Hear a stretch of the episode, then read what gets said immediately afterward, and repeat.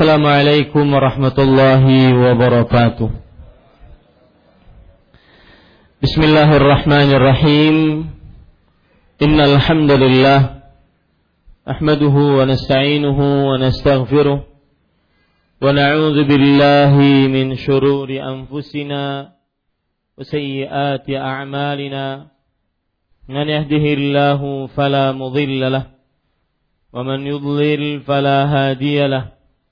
وأشهد أن لا إله إلا الله وحده لا شريك له وأشهد أن محمدا عبده ورسوله. يا أيها الذين آمنوا اتقوا الله حق تقاته ولا تموتن إلا وأنتم مسلمون. يا أيها الناس اتقوا ربكم الذي خلقكم من نفس واحدة وخلق منها زوجها وبث منهما رجالا كثيرا ونساء واتقوا الله الذي تساءلون به والأرحام إن الله كان عليكم رقيبا. يا أيها الذين آمنوا اتقوا الله وقولوا قولا سديدا يصلح لكم أعمالكم ويغفر لكم ذنوبكم ومن يطع الله ورسوله فقد فاز فوزا عظيما. أما بعد فإن أصدق الحديث كتاب الله وأحسن الهدي هدي محمد صلى الله عليه وعلى آله وسلم وشر الأمور محدثاتها وكل محدثة بدعة وكل بدعة ضلالة وكل ضلالة في النار. Alhamdulillah kita bersyukur pada Allah Subhanahu wa taala pada hari ini Senin malam Selasa 20 Rabiul Awal 1438 Hijriah.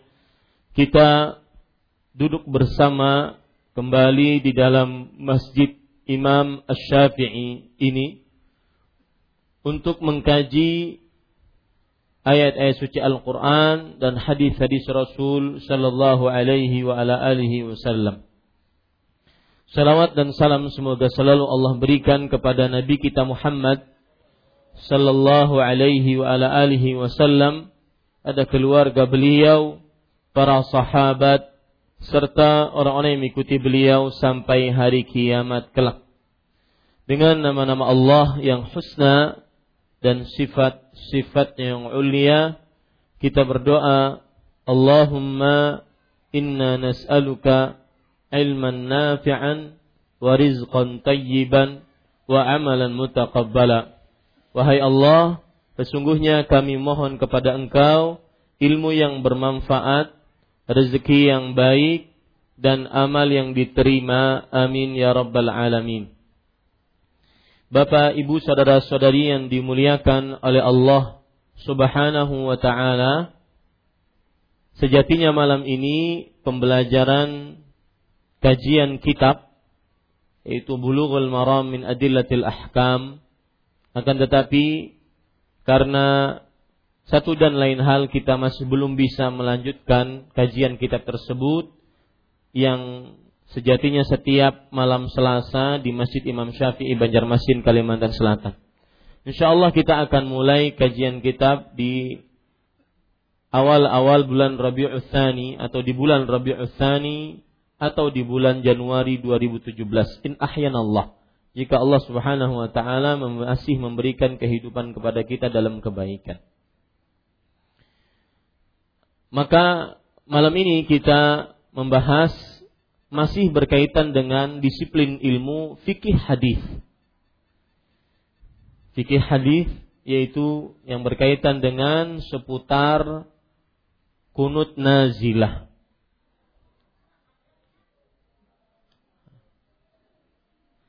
Seputar kunut nazilah. Bapak Ibu saudara-saudari yang dimuliakan oleh Allah, sebelumnya juga saya ingin mengingatkan insyaallah taala besok juga masih kajian tematik yang berkaitan dengan tema yaitu sejarah Nabi Muhammad sallallahu alaihi wasallam karena biasanya Selasa malam Rabu di Masjid Imam Syafi'i setelah sholat Isya kita membahas tentang kajian Asirah An-Nabawiyah, sejarah Nabi Muhammad sallallahu alaihi wasallam. Maka kita membahas yaitu tentang mencintai Rasulullah sallallahu alaihi wasallam dengan sebenarnya. Dan malam Kamis, Rabu malam Kamis yang berkaitan dengan akidah dan tauhid, maka kita ingin membahas tentang tema yaitu dengan ini umat Islam berjaya. Insya Allah di dalamnya nanti akan membahas tentang akidah dan juga tauhid. Mohon diperhatikan dan mohon diikuti kajian-kajian ini sehingga bermanfaat untuk kita semua. Amin ya rabbal alamin. Bapak Ibu saudara-saudari yang dimuliakan oleh Allah Subhanahu wa taala, tema kita yaitu seputar kunut nazilah. Maksudnya adalah hukum-hukum yang berkaitan dengan kunut nazilah. Makanya dikatakan kata seputar yaitu hukum-hukum yang begitu banyak yang berkaitan dengan kunut nazilah. Sebelumnya kita ingin membahas dulu apa itu makna al-qunut. Kunut saya tidak tahu di dalam bahasa Indonesia ada ada tidak. Coba kita cari. Kunut itu berasal dari bahasa Arab. Ya. Ya, tidak. Ya, kunut ada dalam bahasa Indonesia dan pakai k bukan pakai q. Kunut bahasa Indonesia adalah doa khusus. Biasanya dibaca sesudah i'tidal pada rakaat terakhir dalam sholat tertentu. Seperti sholat subuh. Ya. Doa khusus biasanya dibaca sesudah i'tidal pada rakaat terakhir dalam sholat tertentu seperti dalam sholat subuh menurut sebagian madhab fikih. Ini makna kunut dalam kamus besar bahasa Indonesia yang ditulis dengan huruf K. Ya. Dan dia berasal dari bahasa Arab. Berasal dari bahasa Arab yaitu al-qunut. Qaf, nun, waw, ta. Al-qunut. Imam Ibnu Qayyim Al-Jauziyah rahimahullah uh, para ikhwah jangan menghalangi jalan. Silahkan masuk ke dalam sini. Yang di depan pintu silahkan masuk ke dalam. Atau ke depan. Sehingga tidak menghalangi. Kemudian ikhwah yang baru datang mungkin ingin sholat tahiyatul masjid mohon jangan dihalangi. Ya. Kita lanjutkan al-qunut Imam Ibnu Qayyim Al-Jauziyah rahimahullahu taala di dalam kitab Zadul Ma'ad menyatakan fa innal qunuta yutlaqu 'alal qiyami was-sukuti wa dawamil ibadah wad du'a wat tasbih wal khusyu'. Kunut di dalam bahasa Arab mempunyai makna yang banyak. Di antara makna-makna kunut kata beliau yang pertama berdiri. Orang berkunut berarti namanya berdiri. Kemudian yang kedua makna kunut menurut Imam Al-Qayyim rahimahullah secara bahasa Arab adalah diam. Kunut berarti diam secara bahasa.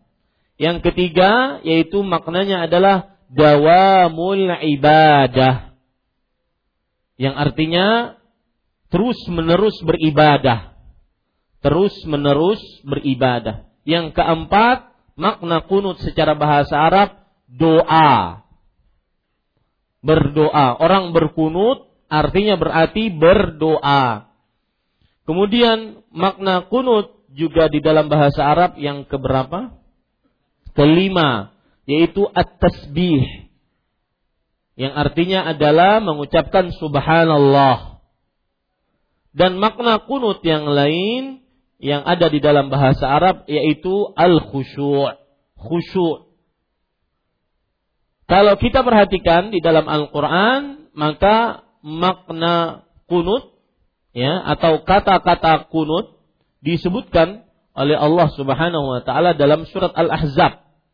Surat ke-33 ayat 31. Allah Subhanahu wa taala berfirman, "Wa man yaqnut min kunna lillahi wa li rasulihi wa ta'mal salihan." Artinya, dan barang siapa yang kunut dari kalian wahai para wanita untuk Allah dan Rasulnya dan beramal saleh. Kunut di dalam surat Al-Ahzab surat ke-33 ayat 31 di sini maknanya adalah mengerjakan ketaatan. Mengerjakan ketaatan. Di sana juga ada Allah Subhanahu wa taala menyebutkan kata-kata kunut di dalam bahasa Arab yaitu firman Allah kepada Maryam alaihissalam. Ya Maryam uqnuti li rabbiki wasjudi warka'i ma'ar raki'in. Wahai Maryam, kunutlah untuk Rabbmu dan sujudlah dan rukuklah bersama orang-orang yang ruku. Surat Ali Imran surat ketiga ayat 43. Surat ketiga ayat 43. Bapak Ibu, saudara-saudari yang dimuliakan oleh Allah Subhanahu wa taala, kalau kita buka tafsir Imam Ibnu Katsir pada ayat ini ya, pada ayat ini maka beliau mengatakan bahwa ada sebuah hadis tetapi lemah dan dia adalah perkataan sahabat lebih tepatnya. Kullu harfin fil Qur'ani yudhkaru al-qunut fahuwa ta'ah. Setiap huruf di dalam Al-Qur'an yang disebutkan di dalamnya kata kunut maka maksudnya adalah mengerjakan ketaatan. Garis bawah itu baik-baik. Itu perkataan dari Abu Sa'id Al-Khudri radhiyallahu anhu. Setiap huruf yang menunjukkan atau menyebutkan kata kunut di dalam Al-Quran, maka maknanya adalah ketaatan. Maknanya adalah ketaatan. Imam Mujahid rahimahullah juga mengatakan makna kunut tulur ruku'i fis salah. Makna kunut artinya adalah ruku yang panjang di dalam sholat. Jadi bukan sujud saja panjang, tetapi ruku yang panjang di dalam sholat. Ini salah satu makna kunut. Intinya para ikhwan yang dirahmati oleh Allah subhanahu wa ta'ala, kunut di dalam bahasa Arab mempunyai makna yang begitu banyak dan hampir-hampir serupa. Tadi dikatakan berdiri, diam, terus beribadah, mengerjakan ketaatan, kemudian berdoa, bertasbih, khusyuk dan semisalnya. Sudah dipahami makna kunut di sini. Nah, yang kita maksudkan ketika membicarakan tentang kunut nazilah berarti kita ambil yaitu kata-kata doa. Kunut nazilah tema kita seputar kunut nazilah seputar hukum-hukum yang berkaitan dengan doa, doa yang di, di, dilakukan dalam keadaan berdiri, mengangkat kedua tangan. Nanti saya akan jelaskan. Ya. Doa, doa. Kunut nazilah berarti kunut yang dimaksud di sini apa? Doa dalam keadaan berdiri, berdiam. Kemudian kata yang kedua yaitu nazilah. Para ikhwan yang dirahmati oleh Allah Subhanahu wa taala, nazilatun nazilah dalam bahasa Indonesia juga disebutkan subhanallah alhamdulillah. Nazilah disebutkan dalam kamus besar bahasa Indonesia kunut nazilah kunut yang dibaca karena ada bahaya malapetaka atau musibah yang menimpa masyarakat seperti wabah, kemarau, peperangan dan semisalnya. Kunut yang dibaca karena ada bahaya atau malapetaka atau musibah yang menimpa masyarakat muslim atau masyarakat secara umum. Seperti kemarau, wabah, peperangan, ya. Jadi kunut nazilah bukan hanya sekedar ketika perang saja. Ada wabah penyakit yang menyebar tanpa ada tahu sebabnya apa, belum dikenal obatnya apa, maka berhak kita untuk melakukan kunut nazilah. Terjadi kemarau, kekeringan, kering kerontang yang sangat dahsyat sampai menyebabkan penyakit, mewabahnya penyakit dan kematian. Maka berhak kita untuk melakukan kunut nazilah yang makna kunut nazilah artinya adalah yang doa yang dibaca tatkala ada bahaya, malapetaka atau musibah. Ini secara bahasa Indonesia. Kita lihat sekarang secara bahasa Arab. Nazilah kalau dalam bentuk jamak maka berarti nawazil. Dalam bentuk jamak berarti nawazil. Nazilah artinya adalah ismu fa'il min nazala yanzilu. Kata pelaku. Nazilah artinya kata pelaku. Secara bahasa ya. Kata pelaku. Dari kata kerja nazala yanzilu turun. Dari kata kerja turun. Nazala yanzilu. Itu sesuatu yang turun, sesuatu yang datang. Nah, itu dia. Ya.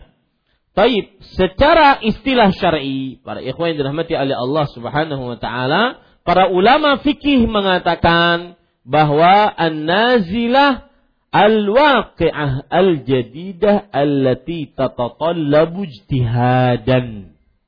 Artinya, catat, nazilah secara kamus bahasa ahli fikih adalah keadaan-keadaan yang kontemporer yang menuntut untuk dilakukan tindakan segera. Keadaan-keadaan yang kontemporer yang menuntut untuk dilakukan tindakan segera. Ada peperangan di Suriah antara orang-orang kafir musyrik dengan kaum muslimin. Ya, maka pada saat itu dia adalah hukumnya nazilah. Keadaan yang kontemporer kontemporer apa artinya? Terbaru. Ya terbaru. Yang menuntut tindakan segera. Ini namanya artinya na nazilah. Ya disebutkan pendefinisian tersebut di dalam kitab Jami'ul Ilmi wa Fadlih. Di dalam kitab Jami'ul Ilmi wa Fadlih. Kalau begitu, ketika kita katakan seputar kunut nazilah, seputar hukum-hukum yang berkaitan dengan doa, doa untuk keadaan-keadaan terbaru, terkini yang membutuhkan tindakan segera. Keadaan-keadaan tersebut adalah keadaan-keadaan genting, bahaya, malapetaka, musibah dan semisalnya. Sekarang bisa dipahami makna kunut nazilah. Kunut artinya doa, kemudian juga bisa arti berdiri, bisa juga mengerjakan ketaatan. Nazilah adalah sesuatu keadaan yang terbaru yang membutuhkan tindakan segera. Nah, apa yang kita lakukan tadi di sholat maghrib, kemudian juga hari-hari sebelum ini, bukan hanya saja di Indonesia, bahkan juga di Haramain dua masjid suci eh, Al-Masjidul Haram dan Al-Masjidul Nabawi sudah imam-imamnya melakukan kunut nazilah untuk saudara-saudara kaum muslimin yang berada di Suriah terkhusus di kota Halab atau Aleppo. Karena mereka membutuhkan doa.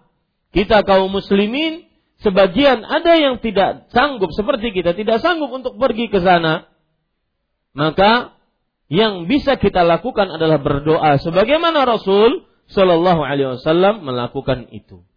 Baik.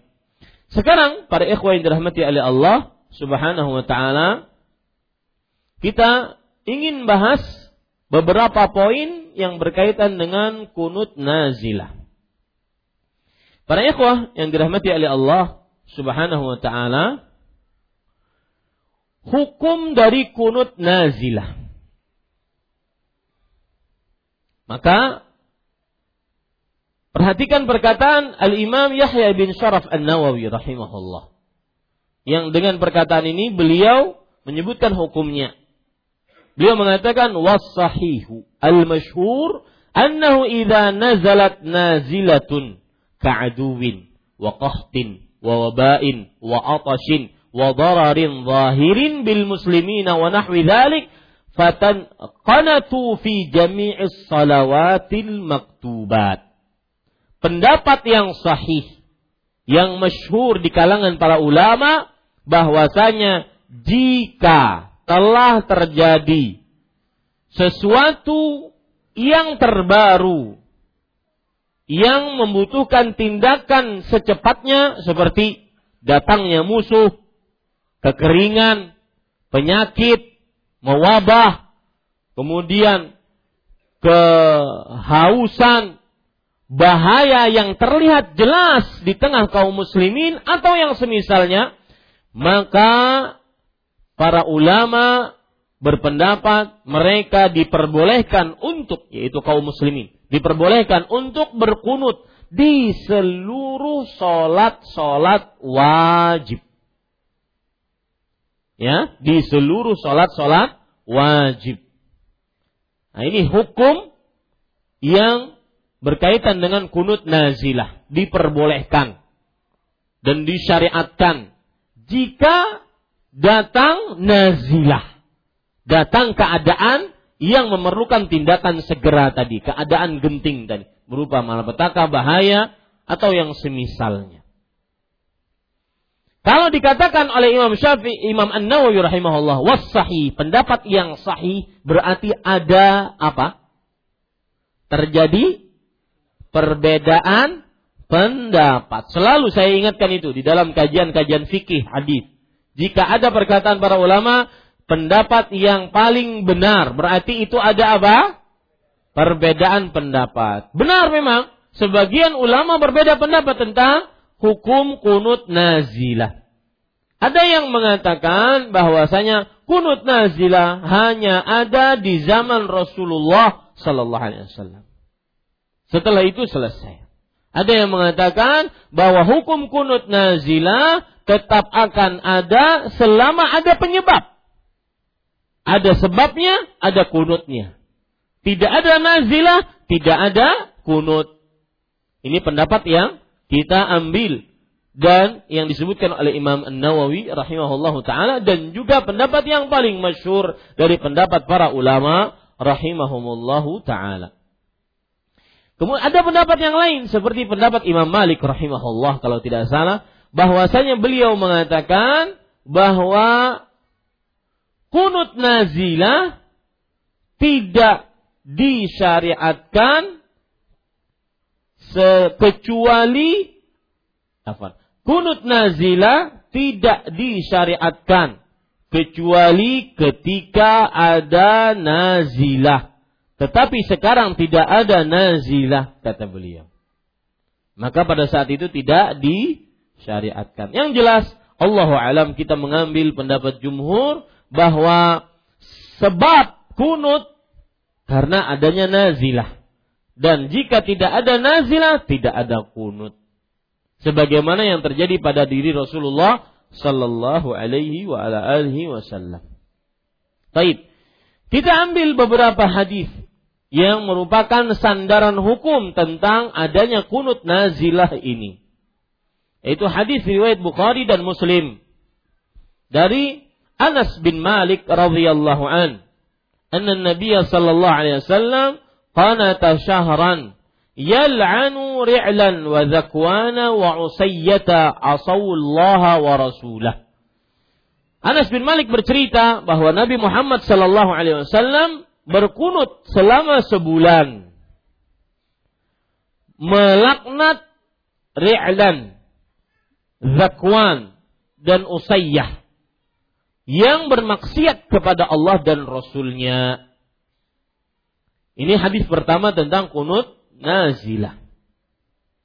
Kemudian hadis yang kedua yang berkaitan dengan kunut nazilah yaitu bahwa riwayat Bukhari Anas bin Malik radhiyallahu anhu meriwayatkan anna Ri'lan wa Zakwana wa Usayyah wa Bani Lahyan istamaddu Rasulullah sallallahu alaihi wasallam ala aduwin sab'ina min al-ansar kunna nusammihimul qurra'a fi zamanihim.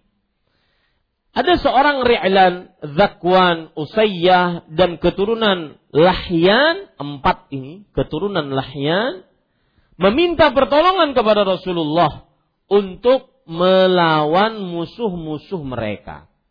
Maka Rasul Shallallahu Alaihi Wasallam memberikan pertolongan dengan mengirim pasukan sebanyak 70 dari kaum Ansar menolong empat orang ini. Ri'lan, Zakwan, Usayyan, Usayyah dan juga keturunan dari Bani Lahyan.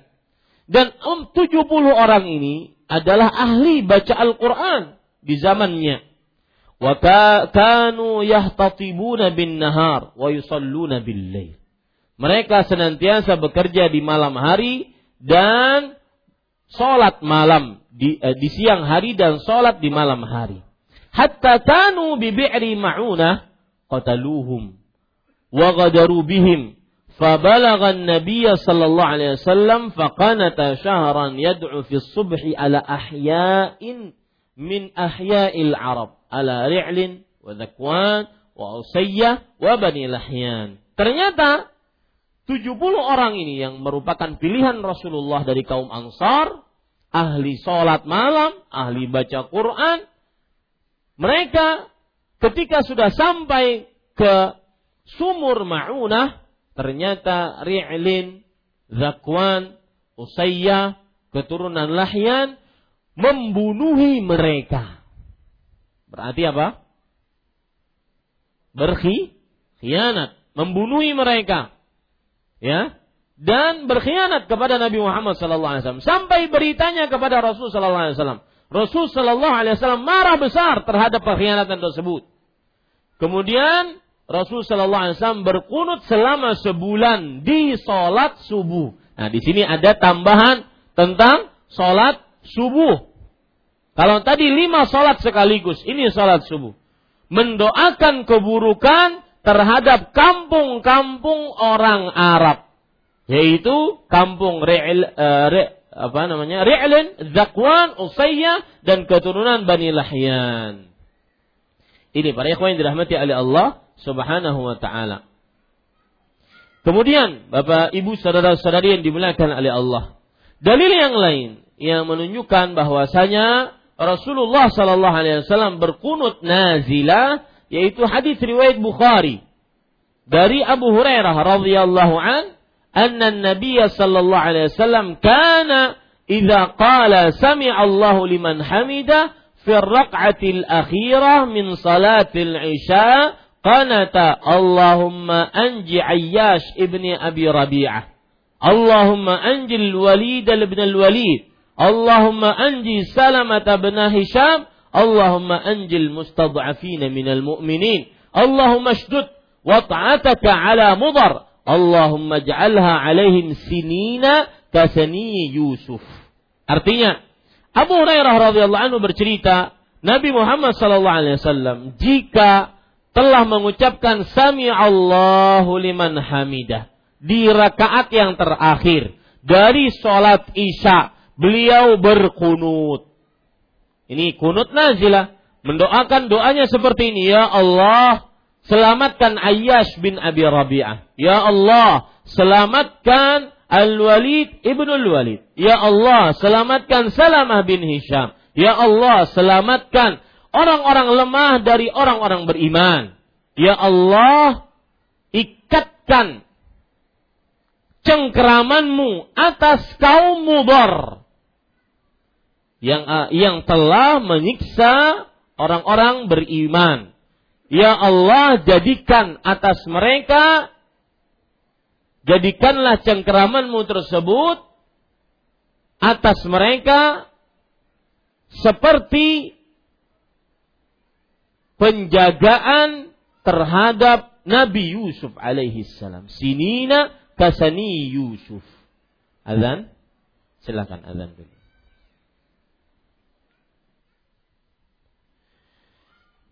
Ya, kita lanjutkan Bapak Ibu saudara-saudari yang dimuliakan oleh Allah Subhanahu wa taala. Tadi Rasul sallallahu alaihi wasallam berdoa, Ya Allah, selamatkanlah Ayyash bin Abi Rabi'ah. Ya Allah, selamatkanlah Al-Walid bin Walid. Ya Allah, selamatkanlah Salamah bin Hisham. Ya Allah, selamatkanlah orang-orang yang lemah dari orang-orang beriman. Ya Allah, ikatkanlah cengkeramanmu atas kaum mudhar. Di sini kaum mudhar adalah orang-orang kafir dari kaum mudhar.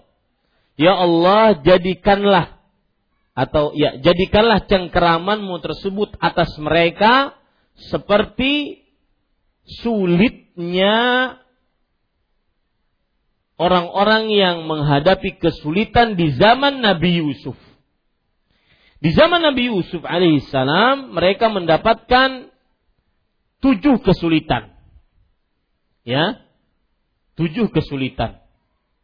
Atau tujuh tahun dalam keadaan sulit. Lebih tepatnya begitu. Tujuh tahun dalam keadaan sulit. Mereka kelaparan barang-barang mahal kemudian kekeringan. Maka Rasul Shallallahu Alaihi Wasallam berdoa agar kaum mudhar mendapatkan kesulitan sebagaimana orang-orang yang sulit di zaman Nabi Yusuf alaihissalam. Itu makna dari Allahumma ja'alha alaihim sinina kasini Yusuf. Ini sering dibaca oleh imam. Allahumma sujud wad'aka wad'ataka ala mudar. Waj'alha alaihim sinina kasani Yusuf. Ya Allah, ikatkan cengkeramanmu. Siksa, kalau bahasa yang mudah itu siksa orang kafir dari kaum mudar sebagaimana engkau menyiksa orang-orang yang ada di zaman Nabi Yusuf mereka kekeringan, mahal harga, kelaparan dan semisalnya. Doa yang sangat sangat mengerikan dari seorang Rasul Shallallahu Alaihi Wasallam yang sangat penyantun. Ini karena doa tersebut dibutuhkan saat itu. Dalil yang lain yang menunjukkan disyariatkannya kunut nazilah hadis riwayat Bukhari dan Muslim juga dari Abu Hurairah radhiyallahu anhu. Saya sebutkan dalil-dalil ini untuk nanti kita ambil pelajaran-pelajarannya. Ya. Abu Hurairah radhiyallahu anhu bercerita, "La aqrabanna salatan Nabi sallallahu alaihi wasallam."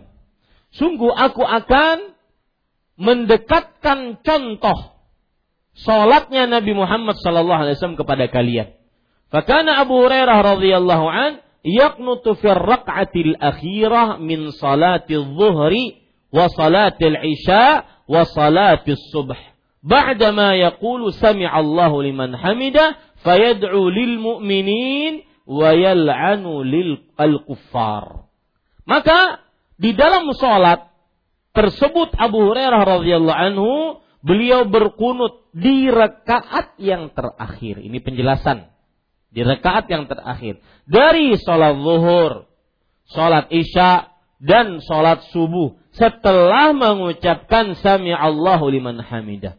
Beliau berdoa untuk kebaikan kaum beriman dan melaknat orang-orang kafir. Di sini juga ada penjelasan. Ya, yaitu melaknat orang-orang kafir. Nanti akan kita sebutkan masalah-masalah di antaranya bolehkah kita melaknat orang kafir atau orang menyebutkan nama orang? Seperti tadi kita di dalam salat menyebutkan Allahumma la'an Bashar. Ya Allah laknatlah si Bashar Asad. Ya yang membunuh yang membantai yang menyiksa yang mengepung. Bayangkan subhanallah nanti di akhir kajian saya akan sebutkan kenapa kita harus mendoakan mereka. Salah satu sebabnya adalah mereka kaum muslimin dan saya akan lebih jelaskan nanti di akhir.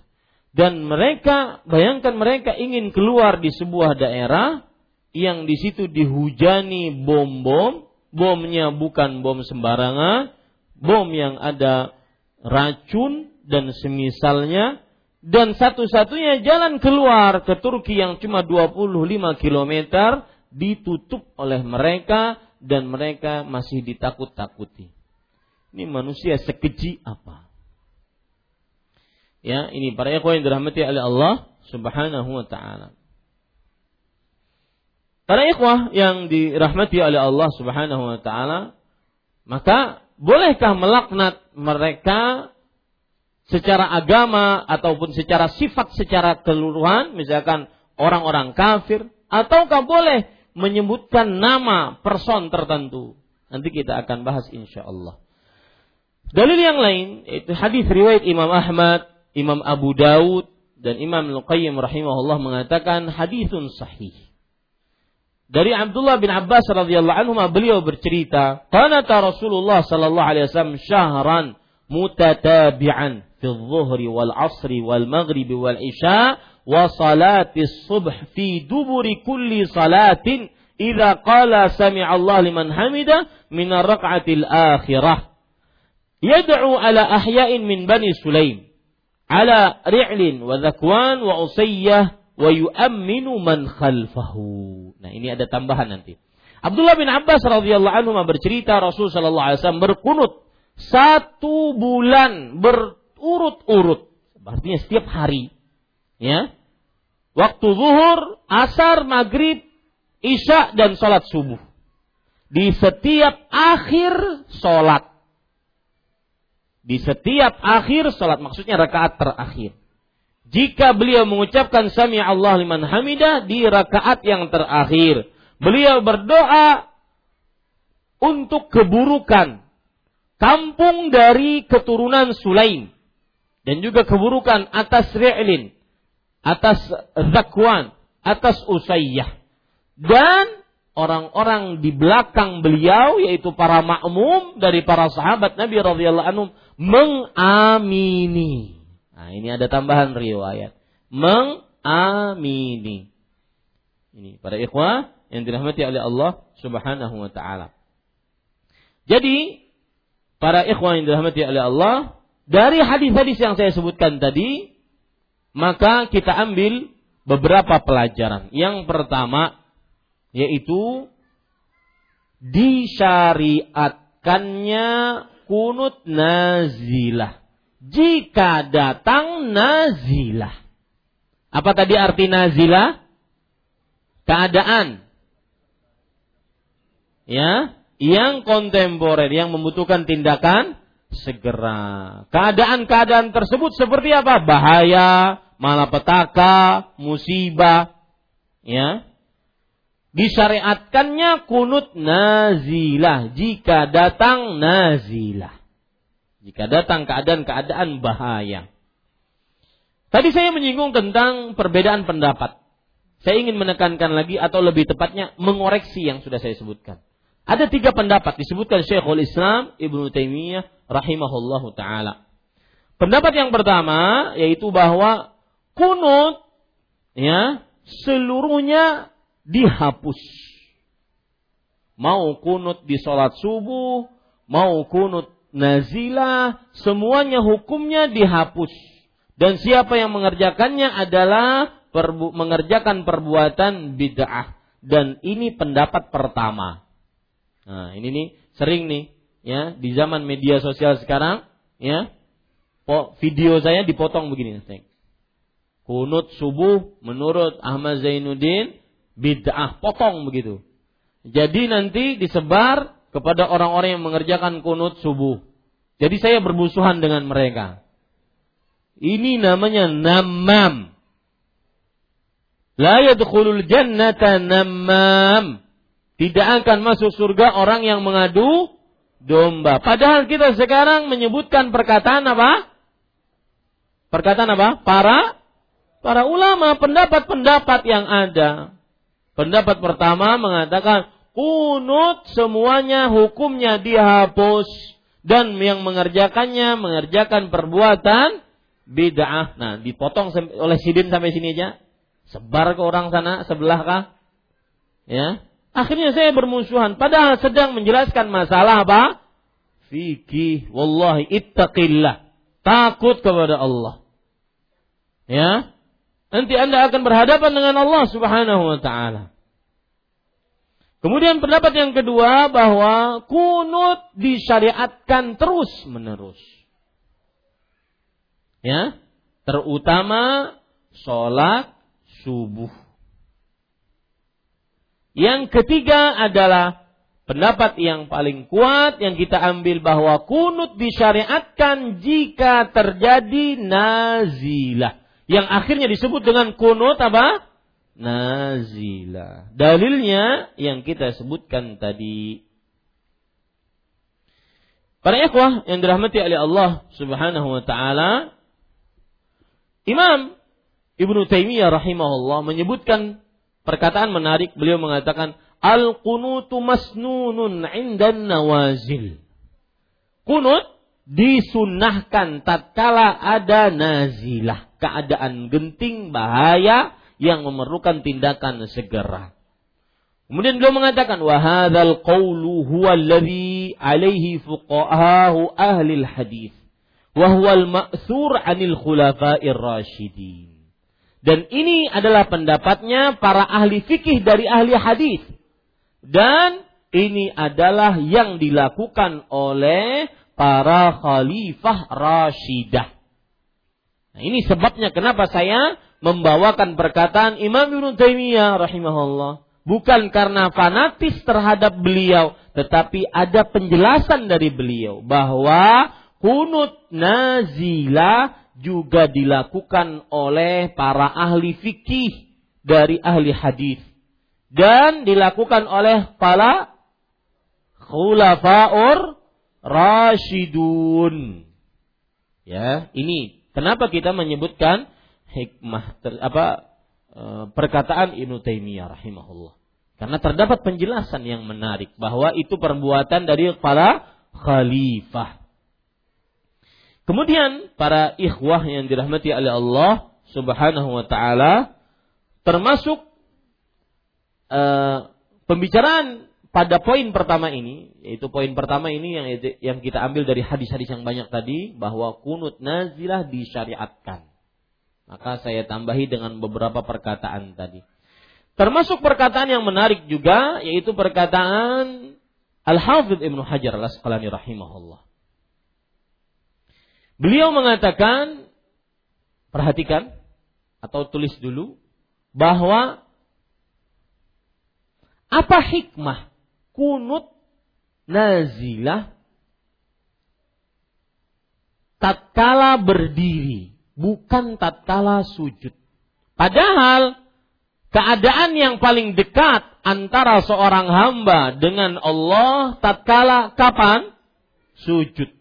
Kenapa kunut nazilah kita kunutnya sambil ber berdiri? Dijelaskan oleh Al-Hafidh Ibnu Hajar Al-Asqalani Asy-Syafi'i di dalam kitab beliau Fathul Bari. Beliau mengatakan wa dhahara li al-anna al-hikmata fi ja'li qunutin nazilah fil i'tidal duna sujud ma'a anna as-sujuda madhinnatul ijabah annal matluba min قنوت النازلة an yushadikal ma'mumul الإمام في du'a walau بالتأمين ومن wa min thamma ittafaqu ala an yajhara bih. Artinya dan telah nampak padaku bahwa hikmah dijadikannya kunut nazilah pada saat i'tidal dari ruku eh pada saat i'tidal dari ruku bukan pada saat sujud padahal sujud adalah keadaan yang sangat diharapkan dikabulkan doa hikmahnya kata beliau ini hikmahnya karena yang diminta dari kunut nazilah adalah para makmum mengikuti imam di dalam berdoa. walau dengan ucapan amin. Kalau seandainya sujudnya ya, berdoanya tatkala sujud tidak terdengar makmum. Kalau berdoanya tatkala sujud makmumnya mengamini tersadak-sadak. Susah mengaminkan tatkala sujud, ya. Imam sujud lama sedikit saja batuk karing. Ya. Maka para ikhwan yang dirahmati Allah ini sebab kenapa? Agar makmum bisa mengikuti imam dalam doanya. Walau hanya dengan apa? Ucapan amin. Oleh karena itulah kata beliau ini juga perkara penting. Oleh karena itulah kunut nazilah dianjurkan untuk mengucapkan dengan suara yang keras, bukan dengan suara yang lirih. Agar apa? Tadi sebabnya agar di diaminkan oleh makmum. Ini para ikhwan yang dirahmati oleh Allah Subhanahu wa taala. Kemudian, pelajaran kedua dari hadis-hadis yang sudah kita bacakan tadi adalah bahwa kunut nazilah diperbolehkan dilakukan dalam sholat wajib yang lima. Terutama subuh. Dalam sholat wajib yang lima. Terutama subuh. Karena kita baca tadi hadis bahwasanya Rasulullah Shallallahu Alaihi Wasallam beliau sholat eh, apa kunut selama sebulan fi jami'is sholawat di sholat yang wajib sholat lima waktu tersebut terutama subuh perhatikan para ikhwan dirahmati oleh Allah subhanahu wa taala Perkataan yang menarik dari Imam Ibn Taimiyah rahimahullah. Sekali lagi, ketika saya mengucapkan perkataan Ibn Taimiyah, ada penjelasan menarik. Bukan karena sebatas fanatik kepada beliau. Beliau mengatakan, wa yushra'u an yaqnuta 'inda nawazil yad'u lil mu'minin wa yad'u 'ala al-kuffar fil fajri wa fi ghairiha min as-salawat. Wa hakadha kana Umar yaqnutu lamma haraba an-nasara bidu'ahi alladhi fi Allahumma la'an kafarata ahlil kitab. Lihat, ada penjelasan. Beliau mengatakan disyariatkan untuk berkunut tatkala datang keadaan genting. Berdoa untuk kebaikan orang-orang beriman dan berdoa keburukan atas orang-orang kafir pada sholat subuh dan sholat-sholat lainnya. Demikianlah juga yang dilakukan oleh Umar bin Khattab. Ini penjelasannya. Berarti apa yang dilakukan oleh Rasulullah dicontohkan oleh siapa? Omar. Ini kuat. Ya, ini yang disebut dengan pemahaman salaf. Ini kuat. Beliau berdoa di dalam sholat lima waktu berkunut nazilah ketika memerangi kaum Nasrani. Jadi kalau saya lihat permasalahan kunut nazilah ini sering di zaman di zaman para sahabat. Karena mereka sering perang terutama di zaman Umar bin Khattab. Berdoa yang menyebutkan doa di dalamnya Allahumma la'an kafarata ahlil kitab. Ya Allah, laknatlah orang-orang kafir dari ahlul kitab. Ini para ikhwan yang dirahmati oleh Allah Subhanahu wa taala. Meskipun kita harus akui bahwa kebanyakan kunut-kunut nazilah yang beliau lakukan di waktu sholat subuh. Nah ini makanya untuk saat-saat sekarang di waktu sholat-sholat subuh sangat-sangat dianjurkan. Perhatikan lagi perkataan Imam Luqayyim rahimahullah. Beliau mengatakan, "Wa kana hadyuhu sallallahu alaihi wasallam fil qunut al-qunutu fin nawazil khasatan wa tarku wa tarkahu inda adamiha wa lam yakun yakhussuhu bil fajri bal kana aktsaru qunutihi fiha dan di dalam kitab Zadul Ma'ad Zadul Ma'ad ini sedikit berbicara tentang kitab Zadul Ma'ad Zadul Ma'ad ini kitab yang menarik beliau tulis Imam Luqayyim rahimahullah taala tulis atau sebelumnya kitab Zadul Ma'ad sudah diterjemahkan dalam bahasa Indonesia. Kitab Zadul Ma'ad ini kitab sejarah Rasul sallallahu alaihi wasallam. Dan beliau tulis tatkala dalam perjalanan. Apa bedanya menulis tulisan tatkala di rumah dengan tatkala dalam perjalanan? Apa bedanya? Perjalanan nggak ada buku di sekitarnya. Betul? Tapi kalau di dalam rumah ada buku sekitarnya. Ambil sana, nukil. Ambil sini, nukil. Perjalanan berarti sesuai dengan ingatan beliau. Menunjukkan cerdas dan pintarnya ulama yang satu ini. Imam Al-Qayyim rahimahullah. Nah, beliau menulis di situ petunjuk-petunjuk Rasulullah, kebiasaan-kebiasaan Rasulullah. Makanya beliau mengatakan wa kana hadiyuhu. Sering di dalam kitab beliau di situ, dalam kitab Zadul Ma'ad dan termasuk petunjuk beliau kunut tatkala dalam keadaan nazilah yang khusus. Dan beliau meninggalkan kunut kalau tidak ada nazilah. Dan tidak mengkhususkan kunut di waktu subuh saja. Tetapi seluruh sholat kebanyakan beliau berkunut. Ini para ikhwah yang dirahmati oleh Allah subhanahu wa ta'ala. Baik. Itu poin kedua. Bahwa kunut nazilah dilakukan di setiap sholat. Timbul pertanyaan. Pada poin kedua ini ada subnya. Apakah dianjurkan untuk berkunut nazilah tatkala sholat Jumat? Ya, apakah dianjurkan berkunut nazilah tatkala sholat Jumat? Maka para ikhwah yang dirahmati oleh Allah Subhanahu wa taala Wallahu alam bahwa kunut nazilah tidak dianjurkan di dalam sholat Jumat menurut pendapat yang lebih kuat. Sekali lagi, kalau saya katakan menurut pendapat yang lebih kuat berarti terjadi perbedaan pendapat khilaf, ya sebagian besar ulama mengatakan bahwa la yuqnat fi salatil jumu'ah. Tidak kunut pada salat Jumat. Cukup dengan doa tatkala khutbah Jumat.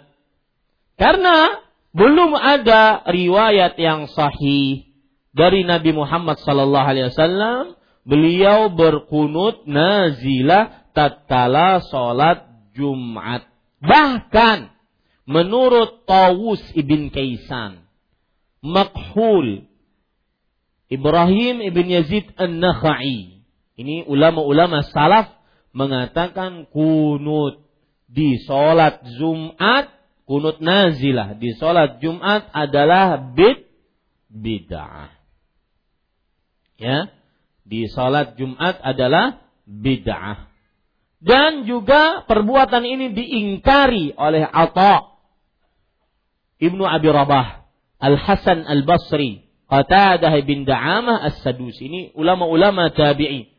Ya, perkataan-perkataan mereka terdapat di dalam kitab Musannaf Ibnu Abi Syaibah dan Musannaf Abdul Razzaq. Bahwa kunut nazilah tatkala hari Jumat diingkari oleh mereka. Disebutkan Imam Malik rahimahullah bertanya kepada Imam Az-Zuhri. Muslim bin Ubaidillah ibnu Syihab Az-Zuhri. Seorang ulama tabi'ut tabi'in terkenal.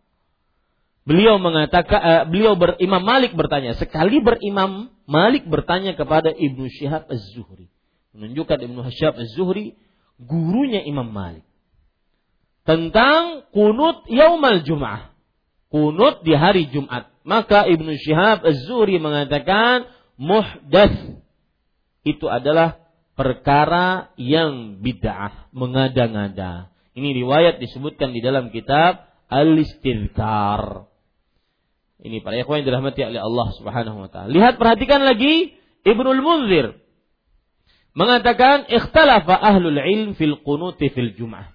Fakariha ta'ifatul qunut fil jum'ah. Wa mimman kana la yaqnutu fi salatil jum'ah Ali bin Abi Talib. wal Mughirah ibnu Syu'bah والنعمان ابن بشير وبه قال عطاء والزهري وقتادة ومالك وسفيان والشافعي وإسحاق وقال أحمد بنو أمية كانت تقنط artinya para ulama berbeda pendapat di dalam masalah kunut di hari Jumat sebagian ulama memakruhkan kunut di hari Jumat termasuk ulama-ulama yang tidak berkunut pada sholat Jumat Ali bin Abi Thalib Mughirah bin Syu'bah, Nu'man bin Bashir.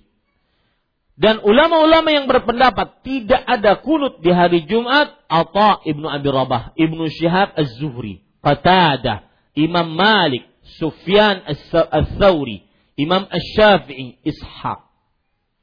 Jadi ini ulama ulama-ulama kebanyakan mengatakan bahwa tidak ada kunut di hari Jumat. Imam Ahmad mengatakan, Banu Umayyah, keturunan Umayyah ketika menjadi khalifah, mereka berkunut di hari Jumat. Yang jelas, para ikhwah yang dirahmati oleh Allah, ada perkataan yang menarik, saya bacakan.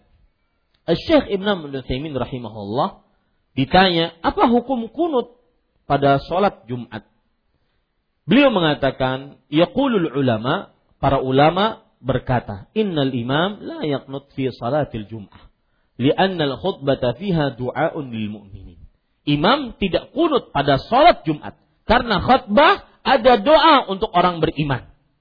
Fayud'a liman yuradu an yuq an yaqnuta lahum fi asna'il khutbah hakadha qala ahlul ilm. Maka imam berdoa ya, fayad'u bagi siapa yang ingin berdoa untuk orang beriman, tatkala khutbah Jumat. Begitulah para ulama berkata. Yang bertanya bertanya lagi, wain kanat, wahai syekh, kalau kunut gimana? Jadi syekhnya didesak. Kalau kunut gimana? Maka syekh menjawab, madama annal ulama qalu la yaqnut falaihi an yatruk. Selama ulama mengatakan tidak kunut, maka hendaklah dia meninggalkan. Faqila lahu hal huwa jaiz? Boleh enggak? Dipojokin lagi. Boleh enggak? Maka Syekh mengatakan, la ba's, tidak mengapa. Li'annahu hatta law qanata fa innahu la yu'tabaru 'asiyan. Karena kalau seandainya dia pun kunut di salat Jumat tidak dinamakan sebagai orang yang bermaksiat. Lakinnal ahsan an yad'u liman aradal qunut lahum fi asna'il khutbah. Tetapi yang lebih utama, lebih baik berdoa kunut nazilah tatkala berkhutbah. Selesai pembicaraan tentang bahwa kunut dianjurkan tatkala sholat atau sholat lima waktu. Kecuali pendapat yang paling kuat ketika sholat Jumat. Tidak dianjurkan untuk berkunut tatkala sholat Jumat. Taib para ikhwan yang dirahmati oleh Allah. Ada penjelasan menarik lagi. Subhanallah. Ya, ini terlewat. Imam Ibnu Abdul Bar mengatakan walaisa an ahadin minas sahabah annahu qanatal jum'ah. Tidak ada seorang pun dari sahabat Rasulullah berkunut pada hari Jumat. Nah, ini para ikhwan yang dirahmati oleh Allah Subhanahu wa taala. Taib. Sekarang faidah ketiga dari hadis-hadis tadi hendaknya kunut nazilah dengan kunut yang pendek. Jangan terlalu panjang, sakit pinggang. Kadaklah kekayaan. Ya, disyariatkan kunut nazilah dalam keadaan pendek. Ya, dua menit, tiga menit, empat menit, lima menit. Tidak terlalu panjang sampai berjam-jam atau bertengah-tengah jam. Coba perhatikan para ikhwan yang dirahmati oleh Allah, dalil yang menunjukkan akan hal ini hadis riwayat Imam Muslim dari Anas bin Malik radhiyallahu anhu ketika beliau ditanya hal qanata Rasulullah sallallahu alaihi wasallam fi salati subuh Apakah Rasul sallallahu alaihi wasallam berkunut nazilah tatkala salat subuh? Maka beliau menjawab, "Na'am, ba'da ruku'i yasiran." Iya. Setelah ruku Maksudnya waktu i'tidal dengan apa? pendek. Artinya cepat, tidak lama. Nah, ini para ikhwah yang dirahmati oleh Allah Subhanahu wa taala. Sedikit saya ingin menyinggung tentang khutbah Jumat. Sering di beberapa masjid ada orang protes. Ustaz, khutbahnya kelamaan. Salatnya pendek. Bukankah Rasul sallallahu alaihi wasallam bersabda, "Min ma'innati fiqhir rajuli kisaru khutbatihi wa tuli salatihi."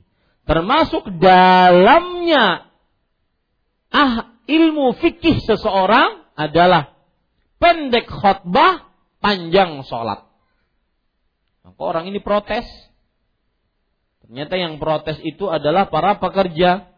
Habis Jumatan Sidin hendak begawi, membuka warung dan toko. Maka jawabannya betul bahwa hadis tersebut sahih. Hendaknya khutbahnya pendek, sholatnya panjang. Tetapi bukan berarti pendek sependek-pendeknya dan bukan berarti tidak boleh panjang. Karena Rasulullah SAW pernah baca di khutbah Jumat surat Qaf. Nah, pian, lihat surat Qaf itu ada berapa ayat? Ya. Surat Qaf panjang. Para ikhwan yang dirahmati oleh Allah Subhanahu wa taala. Ada 45 ayat. Itu dibacakan babuihan muntung. Panjang dia. 45 ayat. Ya. Maka ini menunjukkan bahwasanya boleh panjang jika diperlukan.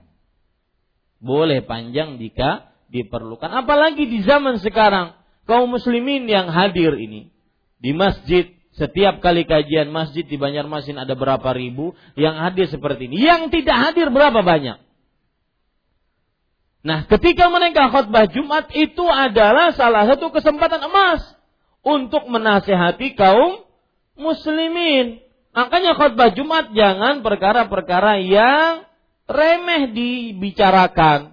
Yang penting, pondasi dasar. Kemudian kalau perintah-perintah yang wajib, kalau larangan-larangan dosa-dosa besar, itu yang dibicarakan. Ini tidak khutbah Jumat membicarakan lohan. Ikan lohan dulu dibicarakan khutbah Jumat. Pas ulun hadir sebagai makmum pulang waktu itu. Allahu Akbar. Ini para ikhwan yang dirahmati oleh Allah Subhanahu wa taala.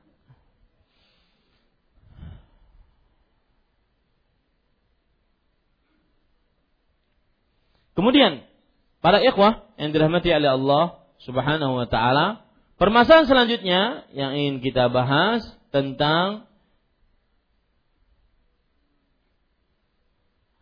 yaitu yang keberapa? Yang keempat. Kunut nazilah tidak mempunyai redaksi khusus. Tidak mempunyai redaksi khusus. Ya. Kunut nazilah tidak mempunyai redaksi khusus.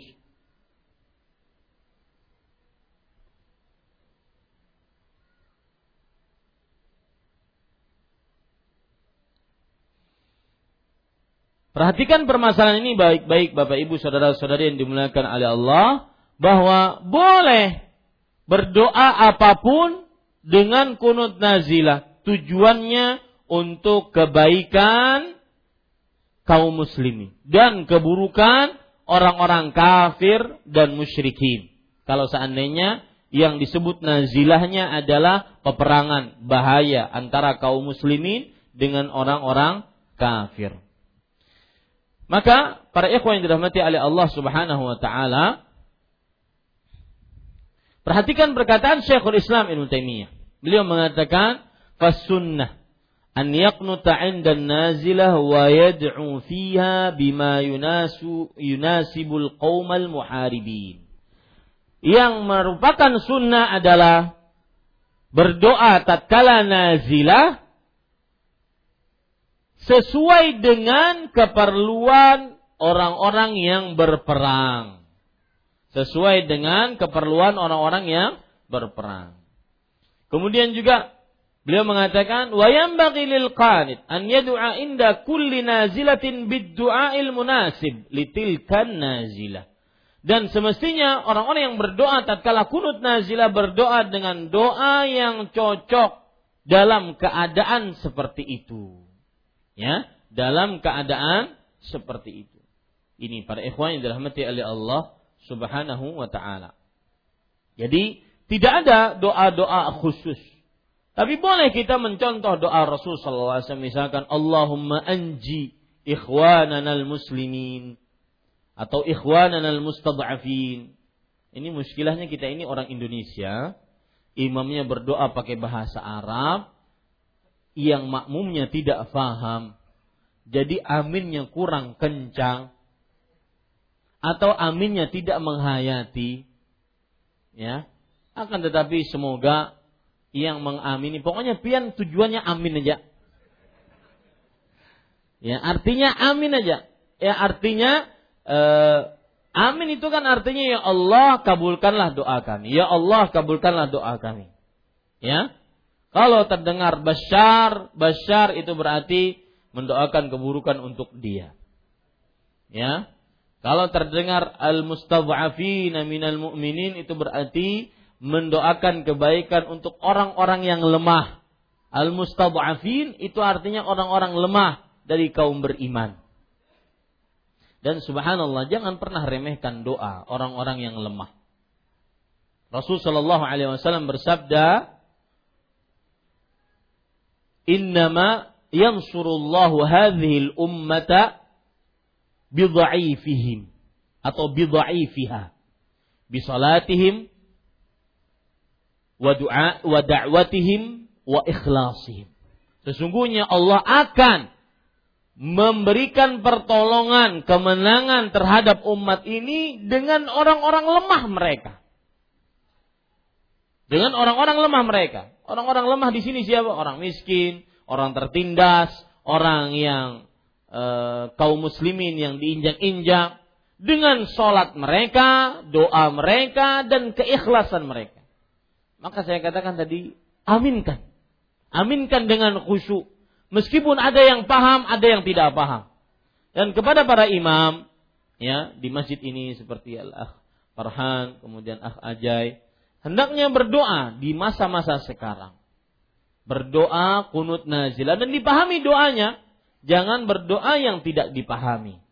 Nanti malah mendoakan keburukan untuk kaum beriman. Ini berbahaya. Ya, seperti misalkan Allahumma uh, syattit syamlal muslimin. Ya Allah, cerai beraikan kekuatan kaum muslimin. Ini bahaya. Wa mazziq jam'ahum. Dan robek kekuatan mereka. Untuk kaum beriman dia doakan. Antum mengamininya. Makanya hati-hati. Ya yang bisa dan bisa dipahami itu didoakan dan di situ di situlah letaknya lezatnya iman kita berusaha untuk mendoakan kaum beriman. Ya. Seperti misalkan uh, yang didoakan juga oleh Rasul Shallallahu Alaihi Wasallam Allahumma anjil mustad'afina minal mu'minin fi Suriah ya Allah selamatkanlah orang-orang lemah dari kaum beriman eh, dari kaum beriman. Ya kalau di zaman Rasul Shallallahu Alaihi Wasallam di mana begitu? Kita sekarang adalah di Suriah. Contoh yang lain juga boleh berdoa Allahumma shdud wa ala taghiyatis syam. Ya Allah siksa dengan keras kepada pemimpin Tawud daerah Syam yang melampaui batas. Waj'alha alaihim sinina kaseni Yusuf dan jadikan siksa engkau seperti siksanya orang-orang di zaman Nabi Yusuf. Boleh berdoa seperti itu. Kalau saya sering berdoa, Allahumma qutul Bashar. Ya Allah bunuhlah Bashar. Laknatlah Bashar. Il'an Bashar. Begitu itu boleh. Ya. Dan itu salah satu doa-doa yang bisa dipakai. Jadi tidak ada doa khusus ya redaksi khusus untuk kunut nazilah. Oleh karenanya para ulama mengatakan ya bahwa lebih baik tidak memakai doa kunut witir di kunut nazilah. Lebih baik tidak memakai doa kunut witir di kunut nazilah. Kenapa? Karena berarti kunut witir ada redaksi khusus. Sedangkan kunut nazilah tidak ada redaksi khusus. Ini para ikhwan yang dirahmati oleh Allah subhanahu wa ta'ala.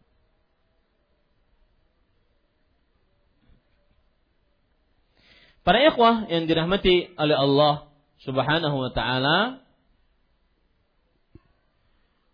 Bolehkah ini permasalahan dalam masalah yang keberapa ini? Yang kelima. Betul? Ya. Bahwasanya tidak ada redaksi khusus dari kunut nazilah. Salah satu permasalahannya adalah bolehkah mendoakan kebaikan untuk orang tertentu di dalam kunut nazilah? Maka jawabannya boleh. Bolehkah mendoakan kebaikan untuk orang tertentu. Sebagaimana Rasul sallallahu alaihi wasallam. Allahumma anji Ayyash bin Abi Rabi'ah. Ya Allah selamatkan Ayyash. Di dalam doa kunut nazilah boleh menyebutkan nama orang tertentu mendapatkan kebaikan keselamatan. Allahumma anjil Walid ibn al-Walid. Ya Allah selamatkan al-Walid bin Walid. Allahumma anji Salamah ibn Hisham. Ya Allah selamatkan Salamah bin Hisham Allahumma anjil mustad'afina minal mu'minin. Ya Allah, selamatkanlah orang-orang lemah dari kaum beriman. Jadi disebutkan secara person-person dulu, baru secara umum. Boleh. Berarti ini menunjukkan bahwa salah satu permasalahan di poin yang kelima, boleh imam mendoakan tatkala kunut nazilah kebaikan dan menyebutkan orang-orang nama-nama orang tertentu nama-nama orang-orang tertentu boleh. Ya. Ini para ikhwan yang dirahmati oleh Allah Subhanahu wa taala. Kemudian permasalahan selanjutnya dalam poin kelima ini, bolehkah melaknat orang kafir secara umum? Maka jawabannya boleh. Sebagaimana yang dilakukan oleh Umar bin Khattab radhiyallahu anhu. Allahumma la'an kafarata ahlil kitab. Ya Allah, il'an kafarata ahlil kitab. Ya Allah, laknatlah orang-orang kafir dari ahlul kitab. Ini boleh. Maka kita berdoa seperti yang sering saya doa, ber, ucapkan di dalam doa, Allahumma izzal Islam wal muslimin wa ahlikil kafarata wal musyrikin. Wa ahlik artinya hancurkanlah Al-kafarah orang-orang kafir secara umum. Orang-orang musyrik secara umum tidak ditentukan personnya. Maka ini boleh. Dan ini kesepakatan para ulama. Boleh mendoakan keburukan, laknat, melaknat, mendoakan kehancuran untuk keumuman orang-orang kafir, terutama yang yang apa? Yang memerangi kaum muslimin. Terutama orang-orang kafir dan musyrik yang memerangi kaum muslimin. Baik. Permasalahan selanjutnya dalam poin yang kelima. Bolehkah mendoakan atau melaknat orang kafir secara khusus? Apa maksud secara khusus, Pak? Hah? Disebutkan namanya. Seperti yang kita lakukan. Allahumma qtul Bashar. Ya Allah bunuhlah Bashar. Allahumma al'an Bashar. Ya Allah laknatlah Bashar. Bolehkah ini? Maka jawabannya para ikhwan yang dirahmati oleh Allah Subhanahu wa taala terjadi perbedaan pendapat di antara para ulama. Pendapat yang pertama bahwa tidak boleh.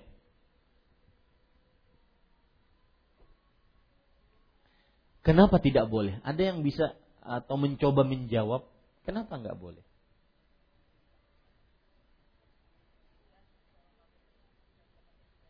Mungkin orang kafir dia mendapatkan hidayah di akhir hidupnya.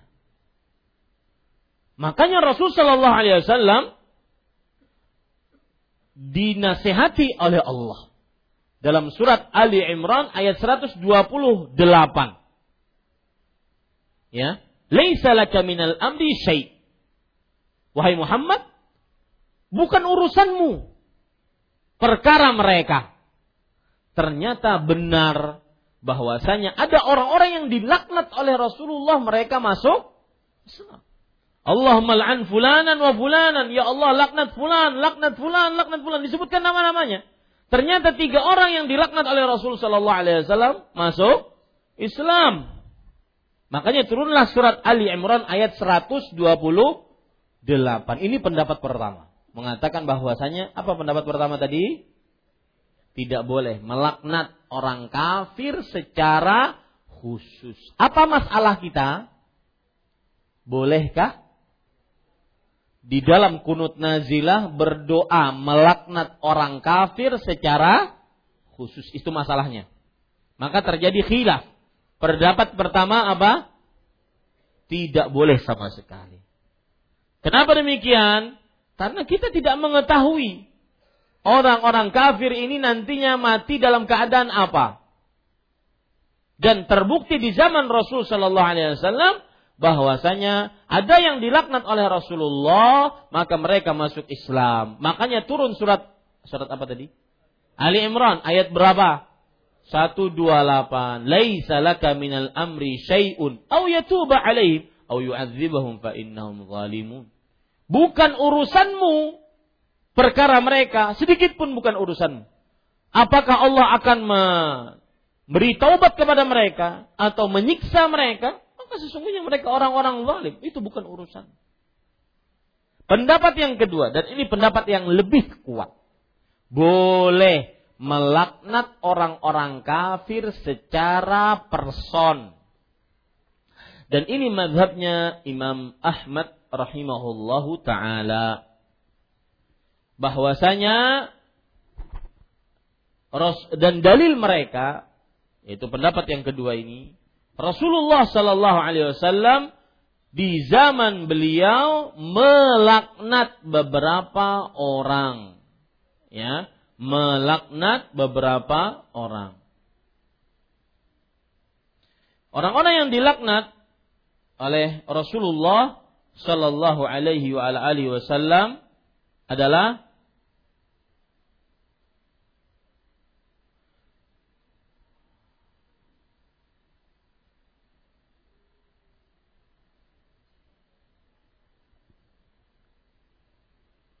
Hadis yang kita sebutkan tadi, Bapak Ibu saudara-saudari yang dimuliakan oleh Allah Subhanahu wa taala, Allahumma al'an Ya Allah, laknatlah si fulan, laknatlah si fulan. Rasul sallallahu alaihi wasallam melaknat atas Ri'il, Zakwan, Usayyah dan juga keturunan dari Bani Lahyan. Dilaknat oleh Rasulullah sallallahu alaihi wa ala alihi wasallam. Jadi boleh pernah dilakukan oleh Rasulullah sallallahu alaihi wa ala alihi wasallam. Para ikhwah yang dirahmati oleh Allah Subhanahu wa taala, Saya bacakan dalilnya hadis riwayat Bukhari Rasul sallallahu alaihi wasallam diceritakan oleh Umar bin Khattab anna rajulan kana ala ahdi Nabi sallallahu alaihi wasallam kana ismuhu Abdullah وكان يلقب حمارا وكان يضحك رسول الله صلى الله عليه وسلم وكان النبي صلى الله عليه وسلم قد جلده في الشراب فأتي به يوما فأمر به فجلد فقال رسول فقال رجل من القوم اللهم لعنه ما أكثر ما يؤت به. فقال النبي صلى الله عليه وسلم لا تلعنوه فوالله ما علمت إلا أنه يحب الله ورسوله. Artinya, Umar bin Khattab bercerita bahwa ada seseorang di zaman Rasul Shallallahu Alaihi Wasallam namanya Abdullah diberi gelar keledai. Jadi Abdullah diberi gelar keledai. Sering membuat Rasulullah Sallallahu Alaihi Wasallam tertawa.